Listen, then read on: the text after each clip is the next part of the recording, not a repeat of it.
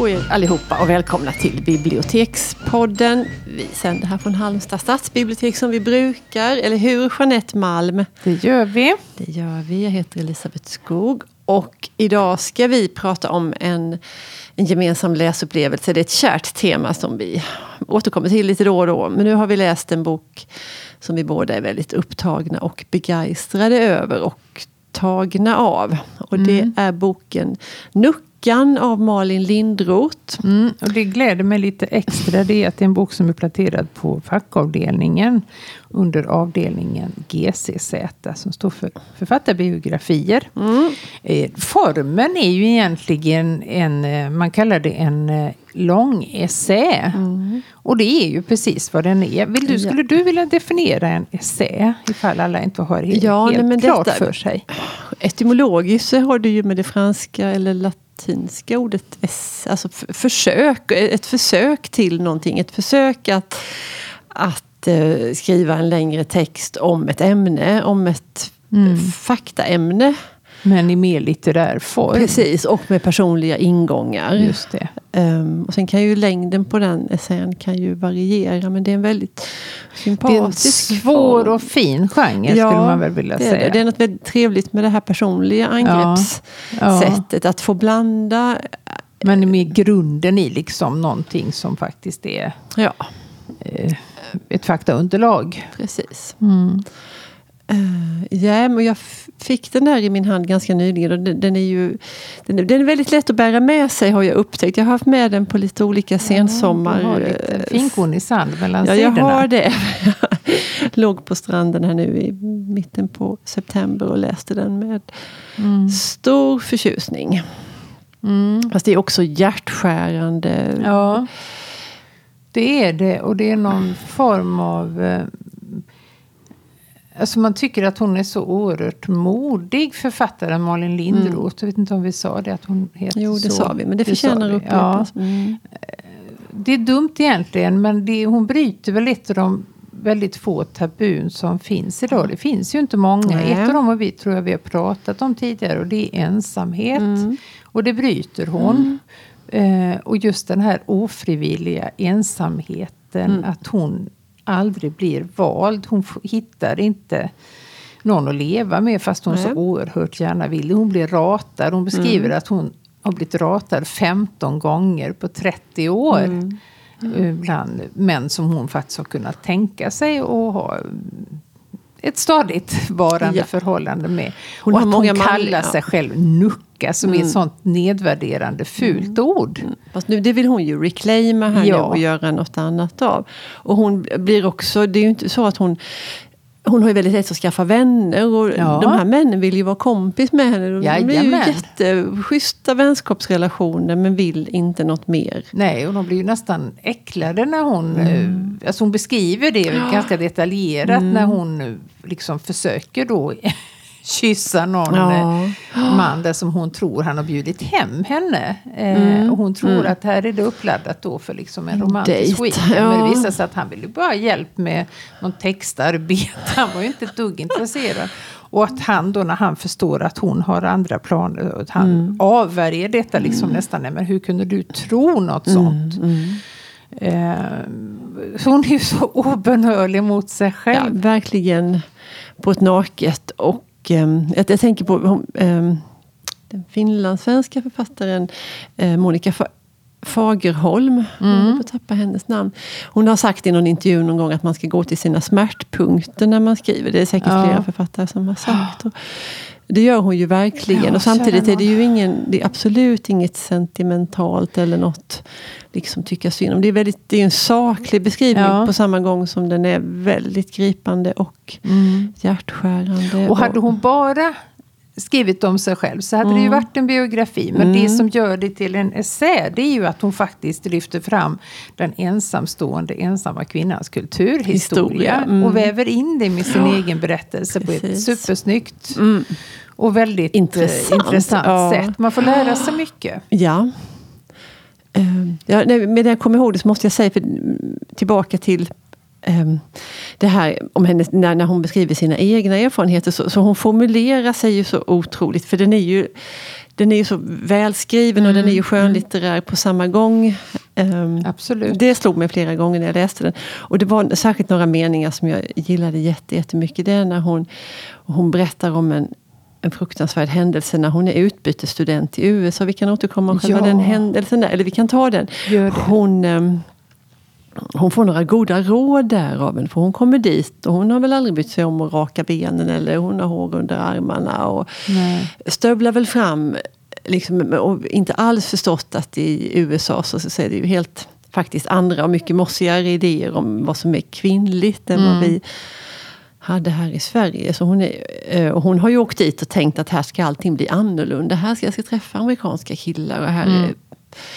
ja, att hon ska få ha lite romanser och dejta och sådär. Men då är det en, en bekant till den här värdfamiljen där hon bor som, som förklarar en massa saker för henne. Hur det funkar där och hur en kvinna eller en ung kvinna ska vara, och hur hon ska bete sig, hur hon ska föra sig. Och när hon har haft den här långa predikan så säger hon att ja, fast det där är ju egentligen ingenting som du behöver bekymra dig om. För du kommer ju aldrig att få dejta någon. Men jag minns inte ordagrant. Var det inte mamman till och med i familjen som Ja, sa det? det var faktiskt en väninna. Det var en till, eh, jämnårig. till, eh, Nej, till, alltså en väninna till värdmamman. Ja, ja. Det var en äldre Som kvinna var- i alla fall precis, som såg i det här. välmening först predikar Ja. och sen säger att nej men du, Mitt avfärdande tittar på henne och säger att det där behöver du överhuvudtaget inte Nej. bekymra dig om, för det kommer ju aldrig hända dig. Och, och hur den repliken sitter som en, som man säger om människor som är skottskadade när kulan sitter kvar och, och gör skada och den är liksom omöjlig att operera bort. Hon gör den liknelsen och det tycker jag är så himla snyggt. För hon, det är ett sår och en skada som sitter kvar i henne och den kan hon liksom inte komma förbi. Och hon t- tänker sådär, ah, men vad skulle jag? Men hon, var, hon var 16 år när hon var där. Vad i hela fridens namn skulle hon? Skulle hon ha börjat gråta och rusa därifrån? Eller skulle hon ha blivit arg? Eller, hon kan faktiskt inte göra någonting mer än att sitta och ta emot den där skiten. Och hur den där repliken sitter kvar som en Ja. som en kula som är omöjlig att operera bort. Det, ja, det blev jag väldigt tagen av på många sätt. Nej, men hon väjer ju inte. Alltså, hon är så oerhört... Eh, eh, hon väjer inte för någonting. Hon försöker inte skönmåla. Hon försöker inte bortförklara. Eller, alltså, det är väl det, det som gör boken så fantastisk. Att den är så klar på något Mm, vis. Att hon beskriver så här är det och jag har försökt. Mm. Jag har inte lyckats. Hon menar ju inte att hon har ett misslyckat Nej, värdelöst liv för inte. det. Nej. Men så varje gång hon försöker prata om det här då Mm. med sina eh, vänner som har barn och familj så slår de hela tiden bort det. Nej men du som har det här och du är väl inte ensam. Du har så många vänner. De vill liksom inte diskutera kärnan i det. Nej. Att hon inte har, att hon är ofrivilligt Nej, ensamstående. nej, men precis. För det att de finns... försöker liksom mildra detta Ja, påståendet för sin tiden. egen skull eller för hennes skull Ja. eller för situationens skull. Det där kan man ju Just för att det är så tabu att nej men det är väl inte nej, så. Man vill inte liksom beröra det på något Nej. vis. Eh, för just det här skönmålandet av ensamheten, det finns ju väldigt mycket sådär hur man ska göra det mysigt för sig själv. Och, och liksom att man har valt det och man ska vara så himla nöjd med det. Friheten som ja, det innebär. precis. Tänk vad du och du kan Mm. göra vad du vill och vara härligt. Och, så. Men, och det må ju vara hänt och så kan det säkert vara för många. Men, Mm. men just det här att det faktiskt i hennes fall och i många andras fall så är det inte självvalt. Nej. Och det är ju inte den här liksom eh, vite prinsen-kärleken som hon är ute Nej, efter heller. Utan hon vill ha det vardagliga. Hon vill ha någon som frågar hur är det? Ja, hur har du haft det det på idag? jobbet? Ja. Eller någon som hjälper en att hälla kokande vatten på mjölbaggarna i, i skafferiet. Sådana saker. Precis. Men det här med kulturhistorien tycker jag var jätteintressant. Att hur, hur det har sett ut för ensamstående kvinnor genom århundradena. För att de hade ju en ganska stark ställning. De hade ju större rättigheter än de gifta kvinnorna. Det var när man gifte sig som man blev omyndig. Precis. Det har jag inte tänkt på. Inte alls. Och att det var väldigt vanligt. Men sen hände någonting. Som hon skriver om att i, i och med industrialiseringen så blev kärnfamiljen norm. Och det var först då det blev suspekt Att inte... att inte vara gift och ha en man och ha barn. Eh, och sen lyfter hon ju fram vissa nuckor eh, i litteraturen som hon faktiskt ser som förebilder. Kommer du ihåg det? Nej. Eh, Miss Marple säger hon att det är den ultimata nuckan. Supernuckan. Supernuckan som är liksom smart och Det är Agatha Christies eh, precis hennes eh, gestalt Kvinnliga deckarhjältinna. deckare. Ja. Kanske hade fler exempel men jag kommer inte ihåg nu. Nej. Men vad tror du kommer att hända liksom med den här boken? Har hon, har hon gjort att fler vågar bryta tabut eller kommer det fortsätta? Ah, Det är ju så fruktansvärt starkt, alla de här andra krafterna. Så, Ja. eh, Men det har, har också blivit en väldigt omtalad bok. Hon har Mycket. fått, vi läste precis en recension här innan vi satte oss och spelade in. Hon Mm. har ju fått jättebra kritik. Så ehm, absolut att den har betydelse. och att ehm, Men samtidigt så är de andra krafterna, de här normerna, så superstarka. Och det finns så många i så många intre- Och det så mångas ordet, intresse. Alltså Mm. tar nästan emot att säga det för att det känns så nedvärderande. Men hon, vill, hon använder det Mm. ju själv och boken heter ju Nuckan. Ja, Tror du att man kommer att svänga sig med det sådär liksom? Ja, ja, men Ja, det- kanske. ja, hon är Nucka. att det, ja. Det är inget, Nej. inget värderande i det. Nej. Men det kan jag tänka mig. Att, att, att Men först man- måste nuckorna själva, annars så blir det... Nej. Om, Nej, men precis. Det är ju som med bögarna. ja, exakt. Eh, ja. Att man har, man har tagit ett nedsättande ord och gjort det Gjort till sitt det till eget. sitt, ja. Mm. Det finns nog fler. Jag tror att det, det kan komma flera sådana där ord som, som ska reclaimas, som, som ska sägas med, med värdighet och stil Ja. och inte något skämsigt. Ehm, det, det är en härlig rörelse det där att göra Mm. någonting till sitt som någon Mm. annan har Ja, men det är ju det enda spottat sättet. på, skrattat åt, förlöjligat så bär man det med stolthet. Det är Ja. jättehäftigt. Ja, men jag tror att ehm, det är klart att hon har påverkat med sin bok, absolut. Mm. Eh, Och jag kan väl få berätta att jag lyssnade på Malin Lindroth Mm. 90, 1999 när hon hade kommit med en jätteintressant bok som jag var väldigt upptagen av då som hette Vaka natt. Ja, Eh, då var hon på roman. bokmässan. Mm.